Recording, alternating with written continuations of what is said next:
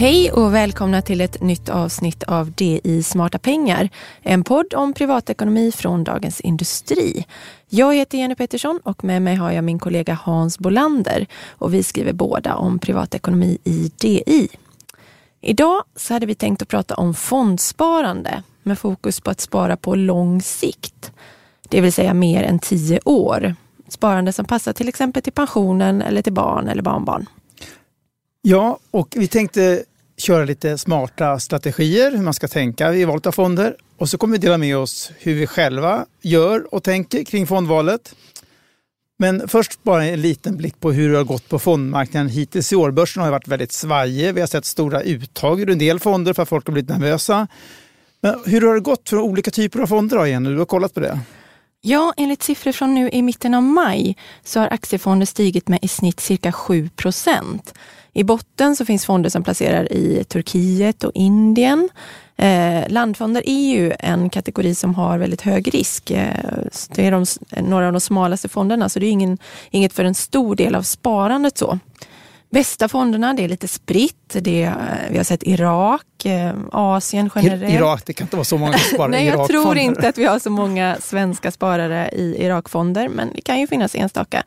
Kanske man har en personlig koppling till landet eller så, kanske man tycker Absolut. det är kul att spara där. Teknikfonder också fortsatt gå hyfsat bra.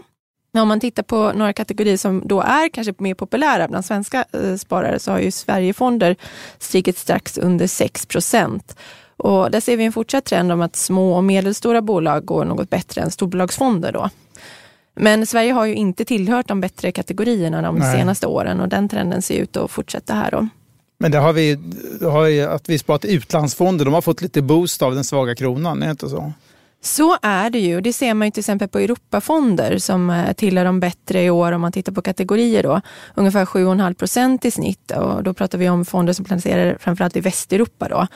Eh, och där har vi effekten av den eh, starka euron kontra kronan. Vi får en valutaeffekt av det när vi sen växlar tillbaka det till, till svenska kronor. Då. Och Östeuropa har det däremot gått sämre. Där tyngs man ju av den dåliga utvecklingen i Turkiet. Då. USA-fonder är det ju många som har också. Och där, den ligger lite bättre än svenska fonder faktiskt. Och dollarn är också, där har, vi också valutaeffekten. Precis. Så så har det sett ut i inledningen av året. Vad har det fått några effekter då? Har spararna eh, gasat på i några typer av fonder och dissat andra? Man ser ju det som du nämnde där att eh, spararna börjar bli lite försiktigare. Blandfonder är det som har lockat mest av nysparandet i år. Eh, men faktum är att nysparandet har varit ganska lågt jämfört med förra året. Eh, jag tror att det är knappt en tredjedel så mycket som har gått in netto, då, omkring 12 miljarder. Att jämföra med nästan ja, 38-39 miljarder motsvarande period i fjol. Då. Eh, och över hälften av det har gått till just blandfonder. Alltså, jag tror inte att det kan dels handla om bankernas rådgivning? Att de, folk säger att ah, jag är lite, vill vara lite, inte ta full risk och så kör man fram blandfond. Det är ju väldigt enkelt för banken och många blandfonder har ju hyfsat höga avgifter om man tittar Exakt. på vad man får för, eh, får för den avgiften. Så att jag tror att eh, det är en del av förklaringen, absolut. Men också den här rädslan då kanske lite nu för aktiemarknaden, då, att man vill avvakta lite.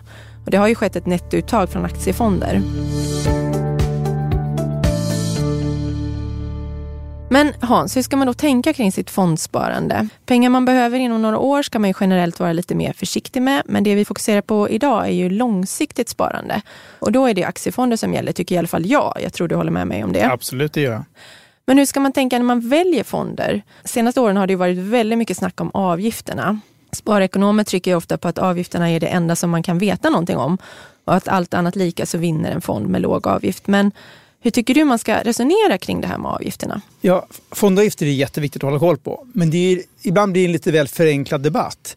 Det handlar också om vad är prisvärt eller inte. Viktigast är att få en bra avkastning på ditt sparande. Och då kanske det är så en bra aktivt förvaltad fond som är dyrare. Kan, det finns många exempel på det där de går väsentligt bättre än indexfonder. Men problemet är då vem lyckas i det långa loppet? Det är ju svårt för att också forskning visar att i det långa loppet så är det väldigt svårt att slå index. Men så ska man ha att man satsar på aktivt förvaltade fonder bör man också se över sin fondportfölj, tycker jag. Så att det, det där är ju viktigt. Men, och sen kan man säga att ett stort problem har varit att fondbranschen har varit nedlusad med fonder som har tagit betalt för aktiv förvaltning kanske 1,5 procent om året. Och sen har de däremot bara förvaltat som en indexfond som egentligen kanske borde kosta någonstans mellan 0,2 och 0,4 procent.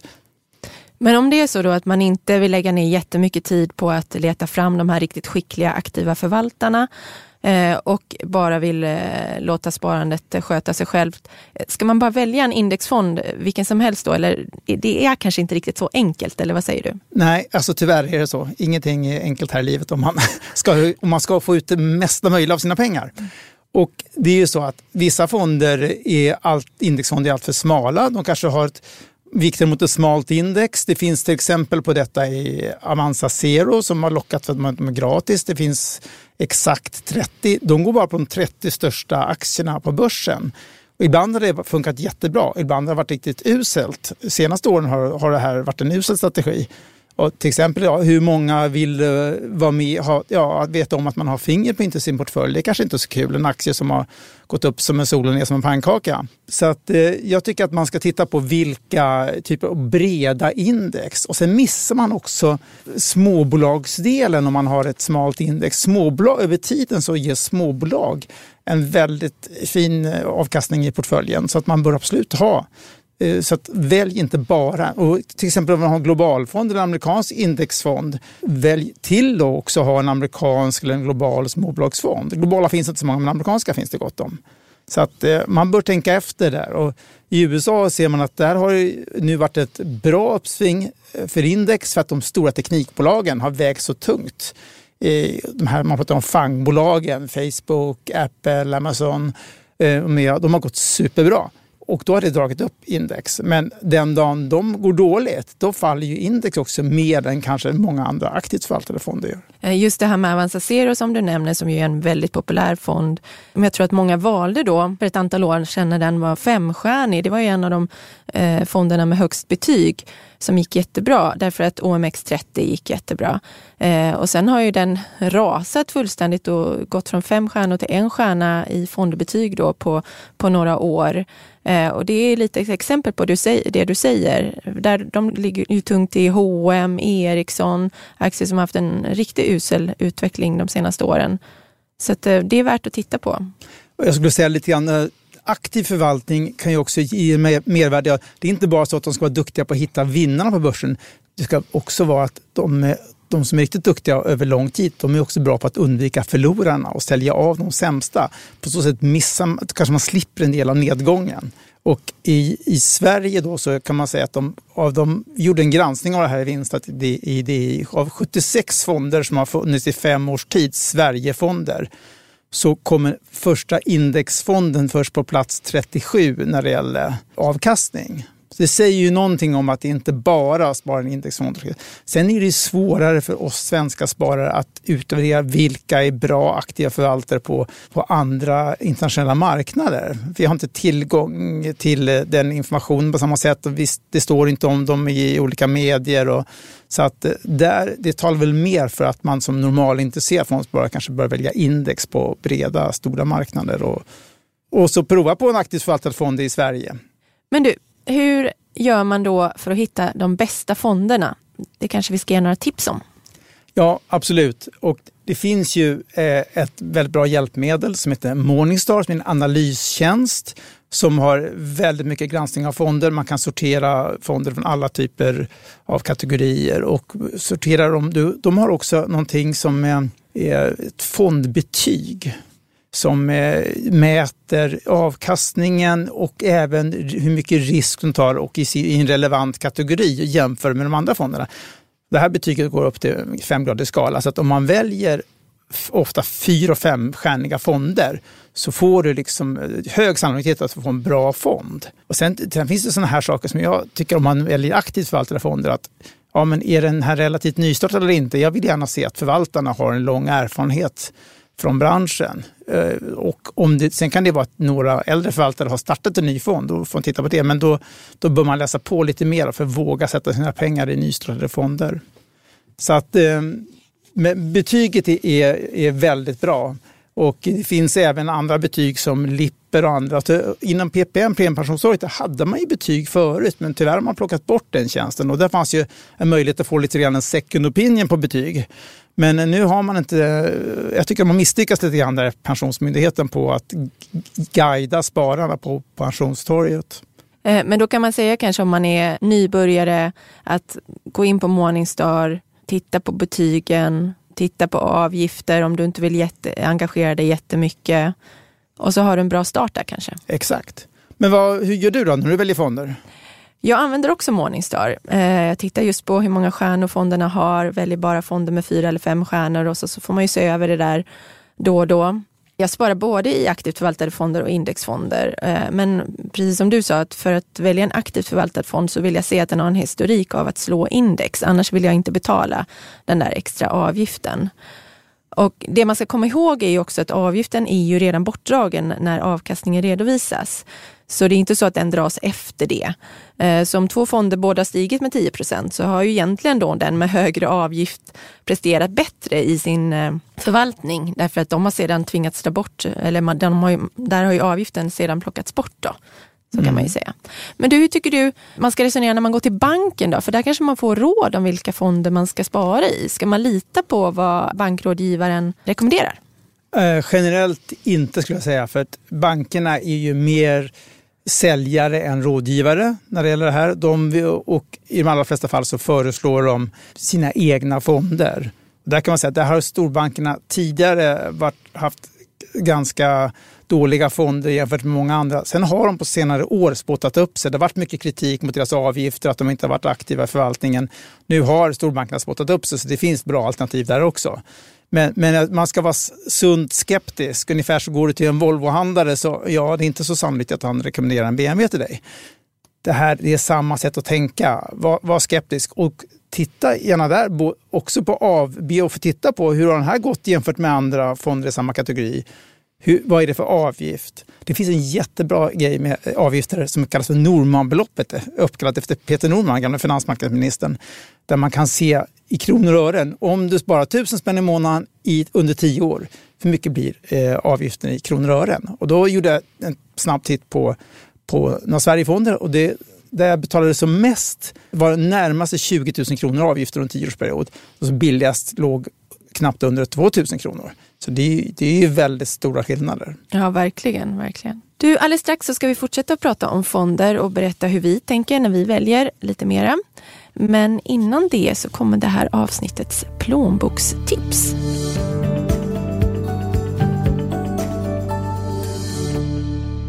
Jenny, du har ju grävt en hel del kring så rabatter inför sommarens reseuppgifter och, och skrev om det nyligen. Vad, vad hittade du då?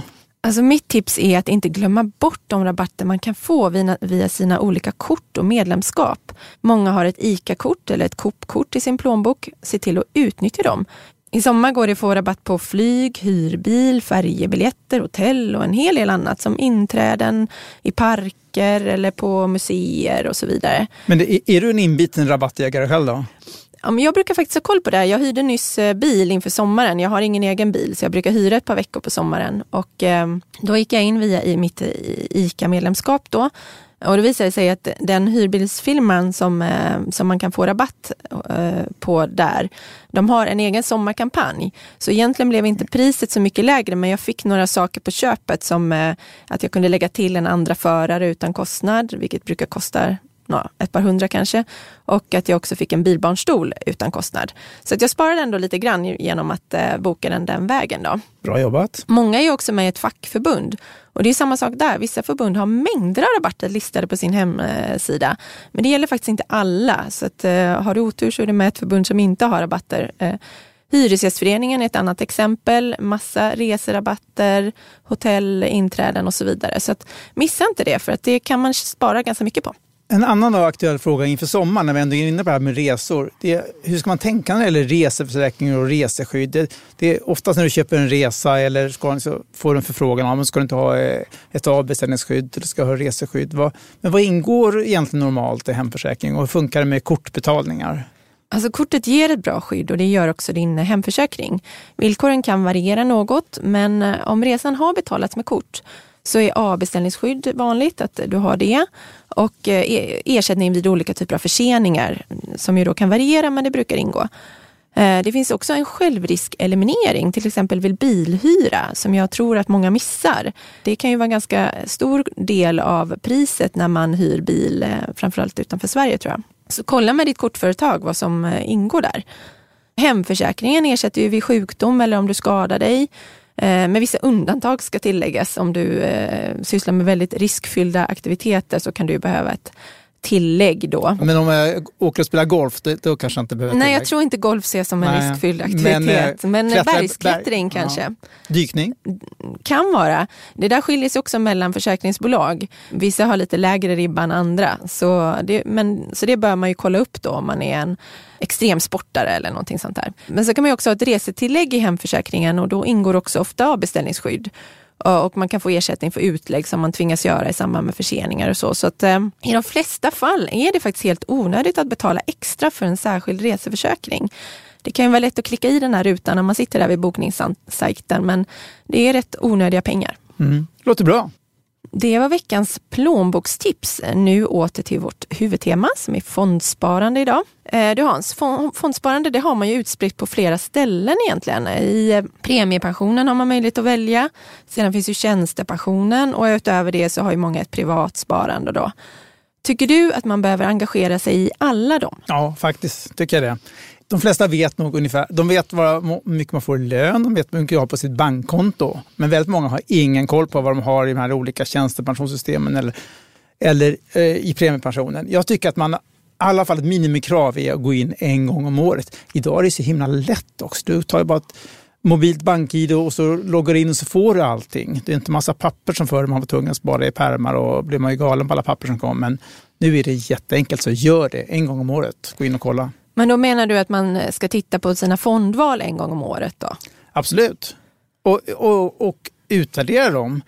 Och jag, här kan man säga, här tycker jag att det brister hos eh, många aktörer. De, de, har inte, som, då vill man ju jämföra kanske hur de här fonderna har gått mot ett index. Och där. Nej, någon sån tjänst finns ju oftast inte. Så det får man ju göra lite själv då. Men det tar ju egentligen inte så jättelång tid. Det kan låta svårt eh, för den som aldrig har gjort det, men eh, har man gjort det någon gång så har man ju fått in det där. Det, går ju, det tar ju någon timme eller, ja. eller så, oftast inte mer än det. Nej, nej, och det har det verkligen. Din timersättning för den, det, kan vara liksom, det kan vara 10 000, det kan vara 100 000 kronor om du gör ett bra fondval och så tickar det på under 10 år. Ja, tänk vad mycket tid folk kan lägga ner på att välja tv eller ny eh, diskmaskin eller vad det kan vara. Exakt, eller bara jaga extrapriser på mat. Ja, och vilken utväxling det ger och så jämfört med om man lägger två timmar på sitt fondsparande. Ja. Nej, men det, och det där vet ju naturligtvis. Eh, alltså man, det finns ett talesätt i branschen. Man köper inte pensioner utan, och, och, den här typen av tjänster utan det säljs. Det vill säga det är ingen som själv går in och kollar utan det är, du är i händerna på säljarna. Men utvärdera en gång om året är väl någon slags grundregel då.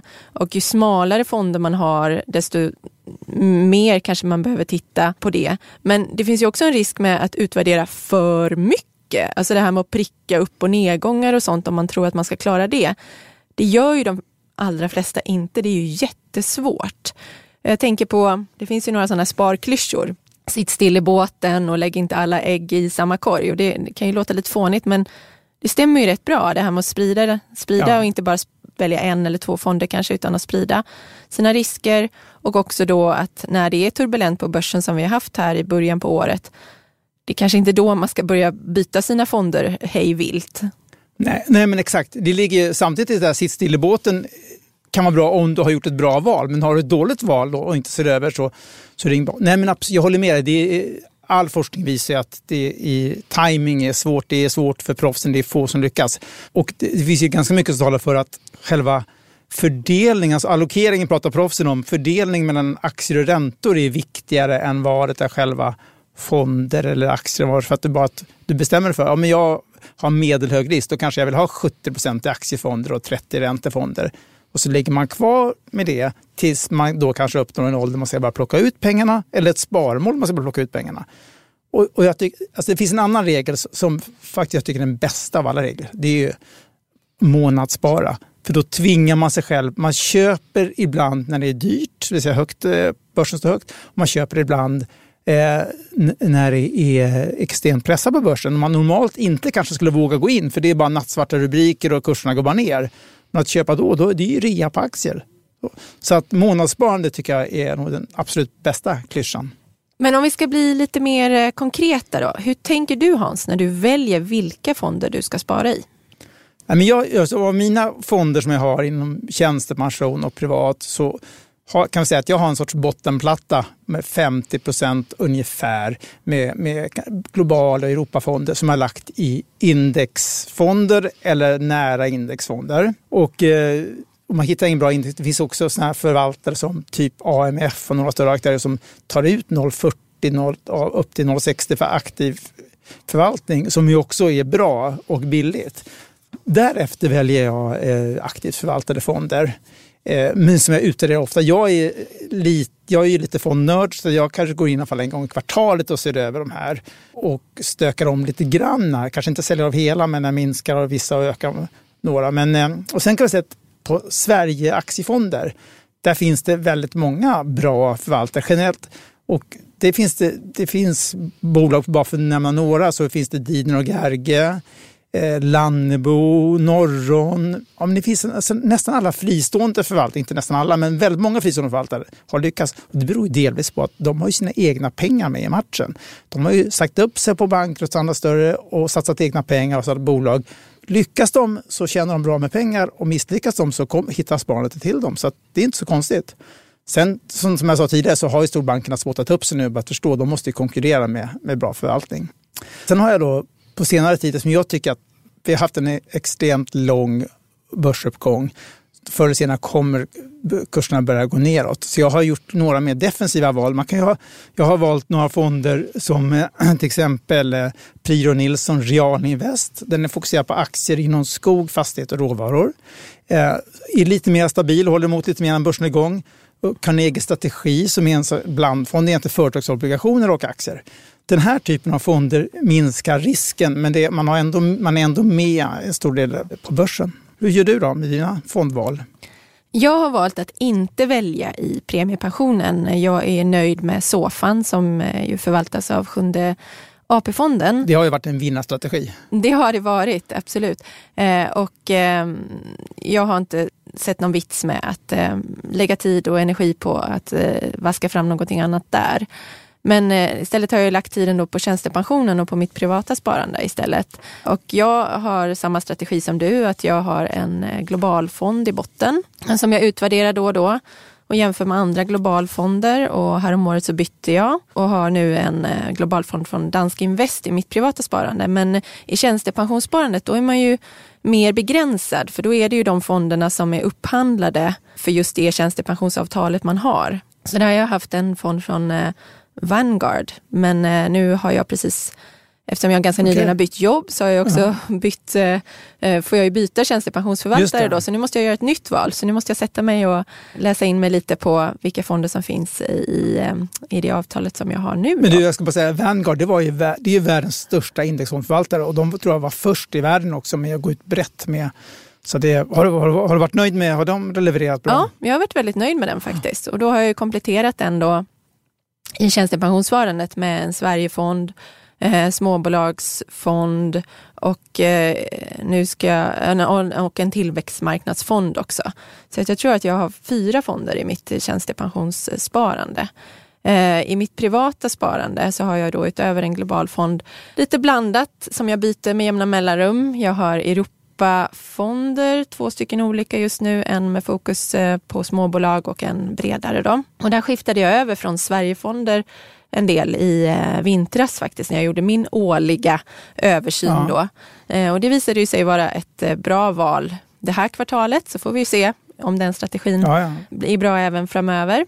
Eh, förra året så sålde jag lite USA-fonder för att jag kände att jag låg för tungt i USA med tanke på att en globalfond ju faktiskt består ungefär till hälften av USA.